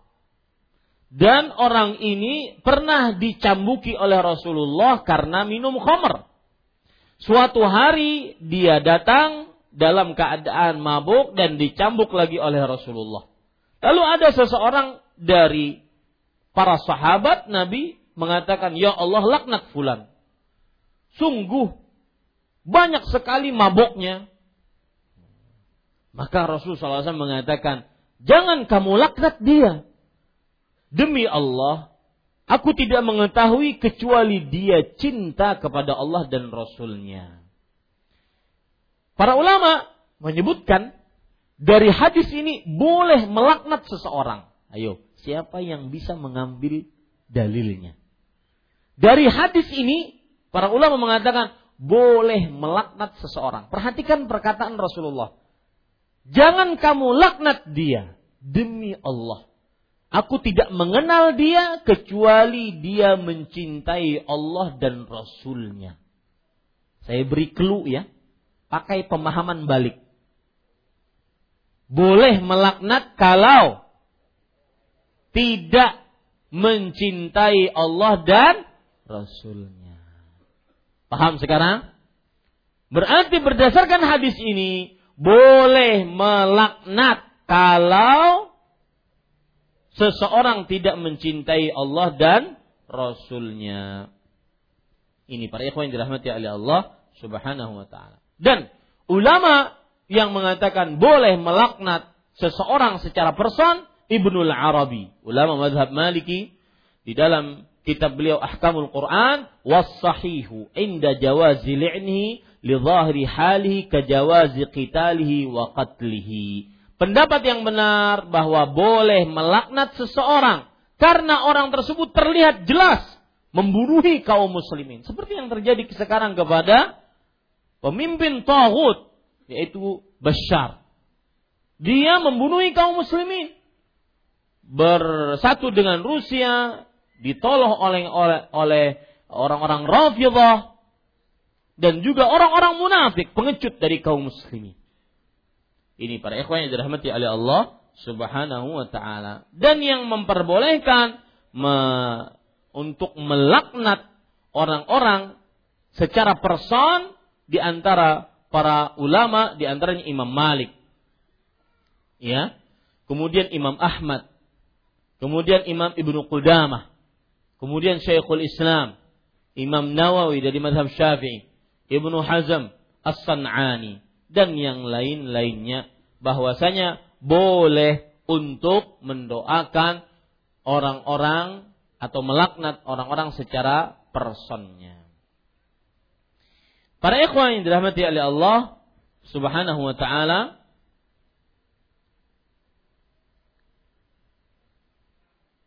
Kemudian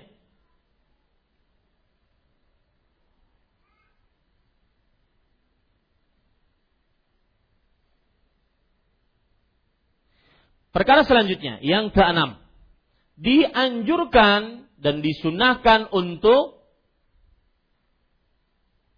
imam membaca kunut nazilah dengan suara yang keras. Dengan suara yang keras. Sebagaimana yang dilakukan oleh Rasulullah sallallahu alaihi wa ala alihi wasallam. Dalam hadis riwayat Bukhari ketika beliau mengatakan Allahumma anji fulan, Allahumma anji fulan. Itu kan dengan suara yang keras didengar oleh para sahabatnya. Lihat perkataan Imam Nawawi dalam kitab Al-Majmu' Syarh Al-Muhadzab. Wa hadithu qunutin Nabi sallallahu alaihi wasallam hina qutila al-qurra radhiyallahu anhum yaqtadi annahu kana yajharu bih fi jami'is salawat. Dan hadis kunutnya Nabi Muhammad sallallahu alaihi wasallam ketika para ahli baca Al-Qur'an yang 70 orang dari kaum Ansar tersebut dibunuh oleh keturunan Lahyan, Ri'il, Zakwan, Usayyah dibunuh oleh mereka-mereka ini, maka itu mengkonsekuensikan Rasulullah SAW mengeraskan suara bacaan doanya di seluruh sholat. Jadi meskipun sholatnya itu diam seperti sholat apa? Zuhur, asar, ya, rakaat ketiga dari maghrib, rakaat kedua dari ketiga dan keempat dari salat isya, maka tetap dibaca kunutnya dengan suara yang jahar, ya, dengan suara yang jahar. Baik, kemudian yang ketujuh, dianjurkan untuk mengangkat kedua tangan tatkala kunut nazilah. Dalam hadis riwayat Imam Ahmad hadis Anas bin Malik radhiyallahu an beliau berkata, "Fama ra'aitu Rasulullah sallallahu alaihi wasallam wajada ala syai'in qad wajadahu alaihim yakni al-qurra." Falaqad ra'aitu Rasulullah sallallahu alaihi wasallam fi salatil ghadati rafa'a yadayhi fada'a alaihim. Dan aku tidak pernah melihat Rasul sallallahu alaihi wasallam murka seperti murkanya beliau ketika para ahli bacaan Al-Quran yang beliau utus untuk menolong orang-orang yang minta pertolongan, eh malah dibunuh. Aku tidak pernah melihat Rasul SAW murka seperti itu.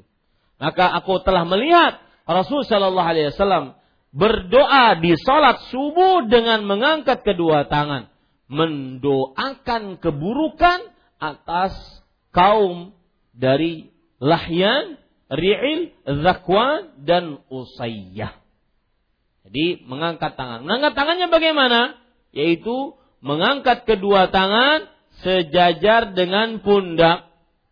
Kemudian dirapatkan dan perut telapak tangan menghadap ke langit dan punggung telapak tangan menghadap ke bumi. Ya, disejajarkan dengan kedua pundak. Ini para ikhwah yang dirahmati oleh Allah Subhanahu wa taala. Lihat para ikhwah yang dirahmati oleh Allah, perkataan Abu Rafi' ini penjelasan tentang perbuatan ini dikerjakan oleh para salafus saleh. Sallaitu kharfa Umar bin al-Khattab, Umar bin al-Khattab radhiyallahu anhu. Faqanata ba'da ar-ruku' wa rafa'a yadayhi wa jahara bid-du'a. Aku sholat di belakang Umar bin Khattab radhiyallahu anhu. Beliau kunut setelah ruku dan mengangkat kedua tangannya dan mengeraskan suara tatkala membaca doa. Tetapi di sini terdapat peringatan, tidak disyariatkan untuk mengusap wajah setelah kunut karena tidak ada dalil yang kuat. Imam Baihaqi, Baihaqi Bermazhab apa Imam Baihaqi itu? Ini adalah ulama panutannya mazhab Syafi'i. Ya. Yang sangat-sangat loyal dengan mazhab Syafi'i dan Imam Syafi'i. Makanya beliau mempunyai kitab Manaqibul Imam Syafi'i. Beliau mengatakan di dalam Sunan Al-Baihaqi, "Fa mashul yadaini bil wajhi 'inda al-faraghi min ad-du'a falastu ahfadhuhu an ahadin minas salaf fi du'ail qunut. Adapun mengusap kedua tangan di wajah ketika telah selesai doa, maka aku tidak menghafalnya riwayatnya dari seorang pun dari para salafus saleh dalam doa kunut. Wa in kana yurwa an ba'dihim fi du'a kharijas salah. Meskipun diriwayatkan dari sebagian mereka dalam berdoa di luar sholat. Jadi dalam khusus doa kunut nazilah maka tidak ada mengusap wajah. Ya, mengusap wajah. Ini para ikhwan yang dirahmati oleh Allah. Waqat ruya fihi 'ala Nabi sallallahu alaihi wasallam haditsun fihi Dan telah diriwayatkan di dalam perkara tersebut yaitu berdoa di luar sholat dan mengusap wajah setelah berdoa ada hadisnya tetapi riwayatnya lemah wahwa musta'malun inda ba'dihim kharijas salah. Dan dia dipakai oleh sebagian orang di luar salat. Wa amma fis salah fahuwa amalun lam yathbut bi khabarin sahih wala atharin thabt dan adapun di dalam sholat dia adalah amalan yang belum tetap dengan kabar yang sahih atau asar yaitu riwayat-riwayat tentang sahabat yang tetap wala qiyas, tidak ada juga qiyasnya. Fal aula alla yaf'alhu. Maka lebih utama tidak mengerjakannya. Baik di dalam sholat, apalagi ya di dalam sholat, ataupun di luar sholat. Wa yaqtasiru ala ma fa'alahu salaf. Rahimahumullah radhiyallahu anhum min raf'il yadain duna mashihima bil wajhi fi salah wa billahi taufiq. Dan cukup apa yang dikerjakan oleh para salafus saleh. Lihat Pak, imam uh, imam imam madhab ya mengucapkan kata-kata salaf. Jadi kata salaf itu tidak heran dari zaman dahulu. Ya. Itu ajaran apa pulang di Masjid Imam Syafi'i itu? Ya. Salafi, salafi, salah pikir. Hati-hati para ikhwah. Kita ini tidak bisa beribadah kecuali mencontoh para salaf yang mereka mempraktekkan apa yang mereka dapati dari Nabi Muhammad sallallahu alaihi wa alihi wasallam.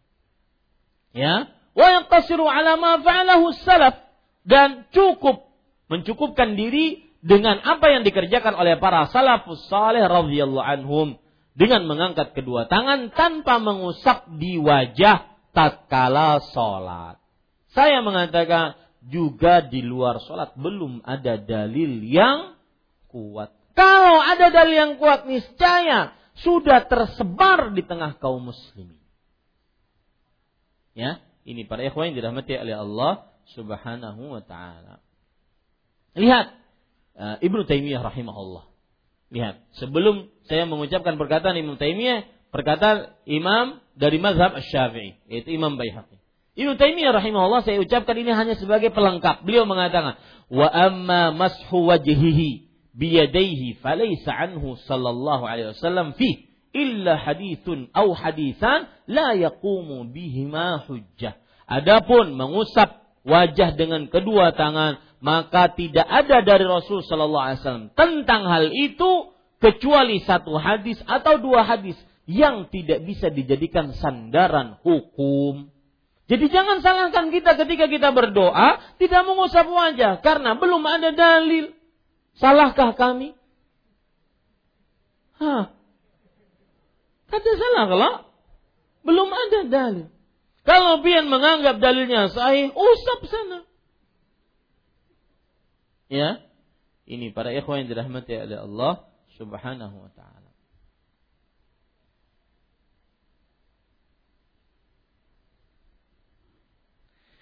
Kemudian para ikhwah yang dirahmati oleh Allah Subhanahu wa taala. Permasalahan selanjutnya. Wah, habis waktu ya.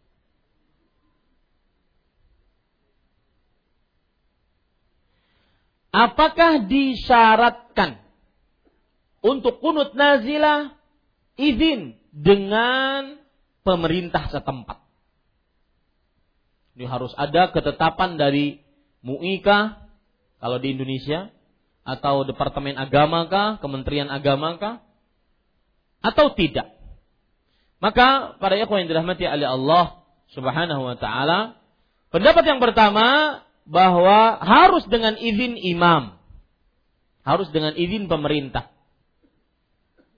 Dan ini pendapat mazhab Hambali. Dan selainnya pendapat yang kedua yaitu tidak disyaratkan dengan izin imam. Alasan-alasannya satu bahwa kunut nazilah adalah ibadah yang setiap kaum muslimin bisa melaksanakannya, tidak mesti harus dengan syarat imam atau pemimpin.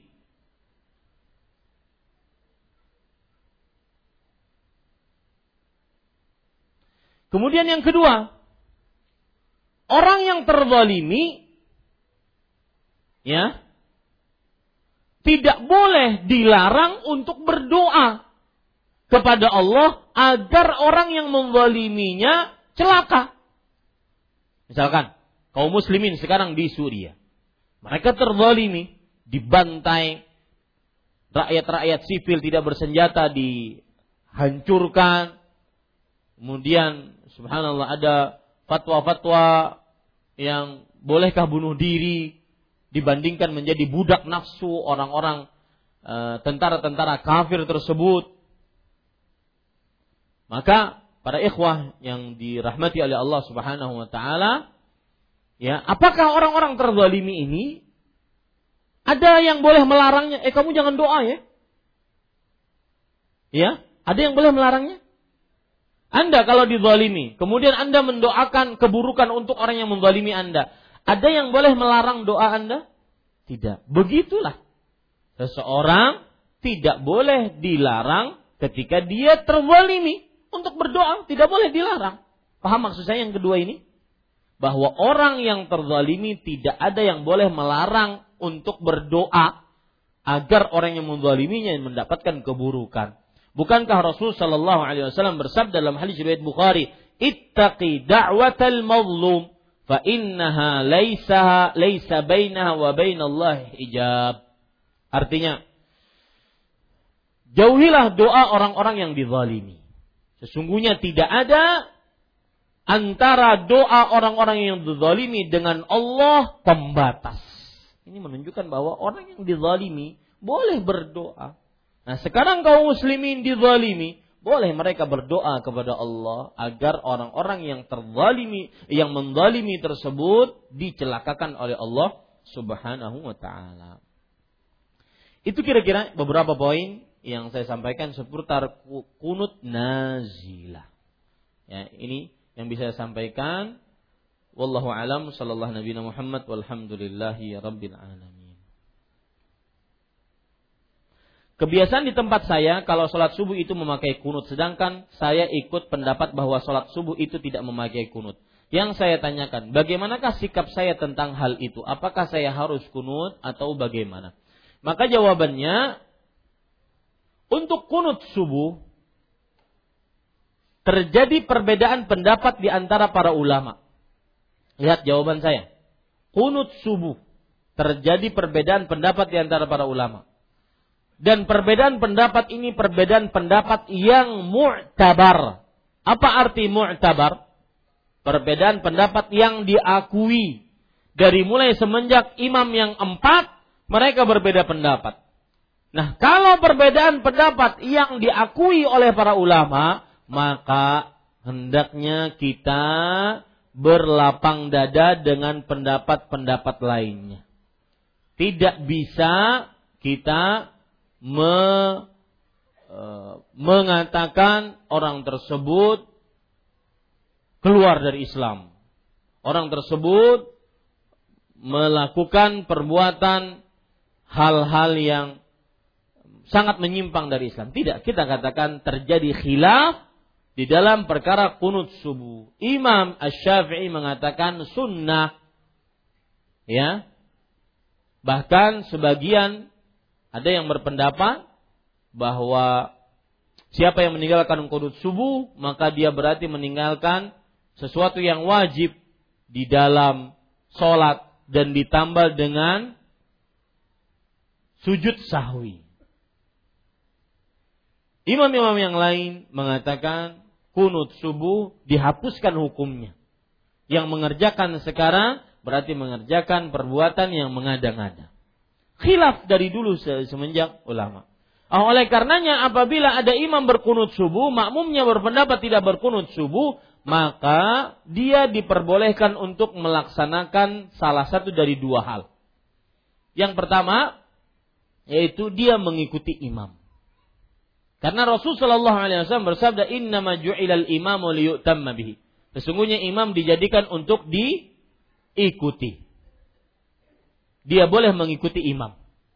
Meskipun dia berpendapat tidak berkunut subuh.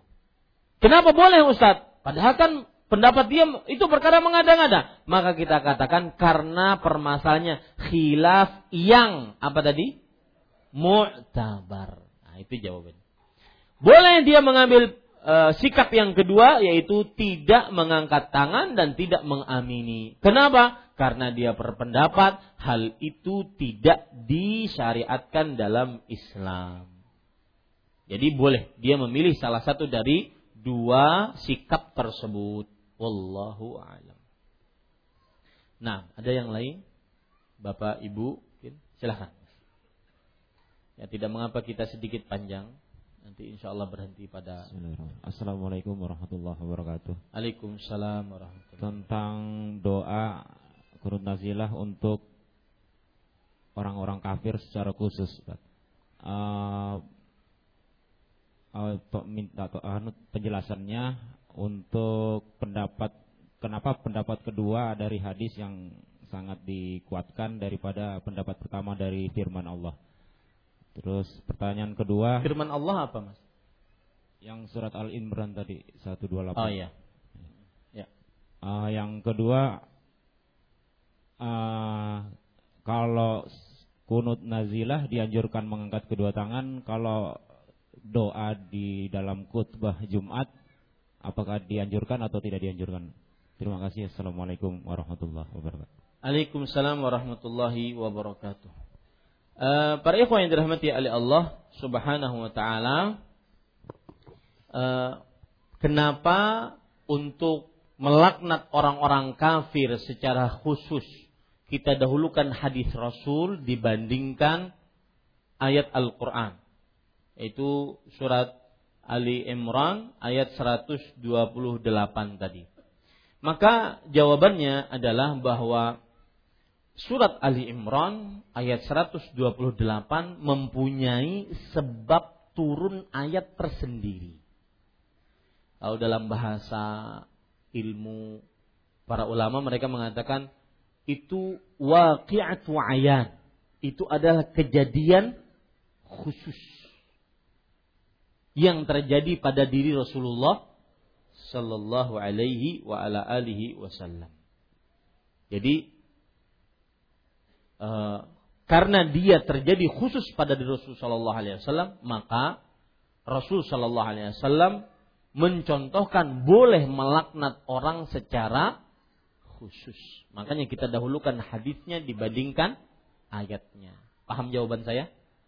Bahwa surat Ali Imran ayat 128 adalah kejadian khusus. Paham ya? Kemudian yang kedua ketika doa kunut nazilah mengangkat tangan. Apakah khutbah Jumat mengangkat tangan? Maka jawabannya kalau doa di dalam khutbah Jumat, maka jawabannya hukumnya dianjurkan. Tidak berdoa pun tidak mengapa. Hukum doa di dalam khutbah Jumat dianjurkan. Tidak berdoa pun tidak mengapa. Tetapi jika di dalam khutbah Jumat seseorang berdoa untuk kunut nazilah ataupun untuk minta hujan, maka dianjurkan mengangkat kedua. Ya, karena ada riwayat Rasul Shallallahu Alaihi Wasallam tatkala kunut nazilah mengangkat kedua tangan dan tatkala minta hujan istisqa juga mengangkat kedua tangan. Maka tidak mengapa mengangkat kedua tangan bagi imam.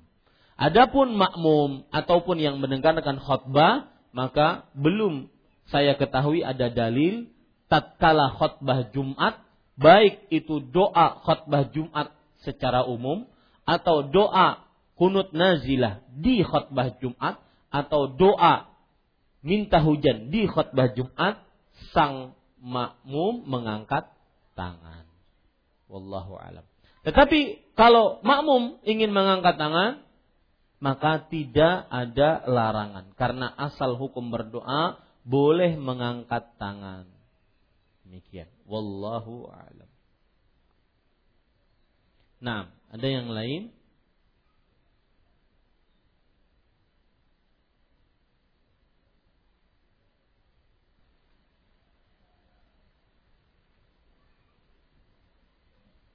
Ibu-ibu? Ya, tidak ada. Baik, mudah-mudahan apa yang kita pelajari bermanfaat dan bisa dimaklumi dan eh, akhirnya lebih jelas lagi bagi kita tentang hukum-hukum yang berkaitan dengan kunut nazilah. Kita akan terus berdoa sampai keadaan tenang, aman, terutama untuk kaum muslimin yang berada di kota Suria dan terkhusus di kota Halab. Tadi, tadi saya ingin menjelaskan sedikit saja tambahan, menjelaskan bahwasanya kenapa kita mengkhususkan doa-doa tersebut untuk mereka. Satu, karena mereka orang beriman. Yang kedua, ketika Suria dikuasai oleh orang-orang kafir, terutama orang-orang Rafidhah, maka itu adalah salah satu senjata mereka yang paling jitu untuk memusnahkan kaum muslimin ahlus sunnah di mana pun mereka berada. Jadi corongnya adalah mana? Adalah Syam, yaitu negara Suria. Makanya Maghrib, Maroko, Qaddafi dihancurkan dengan mudah. Tidak ada yang menolong. Kemudian di Tunis, di Mesir, dihancurkan dengan mudah. Tetapi untuk Suria, kenapa tersendiri? Karena dia adalah corong.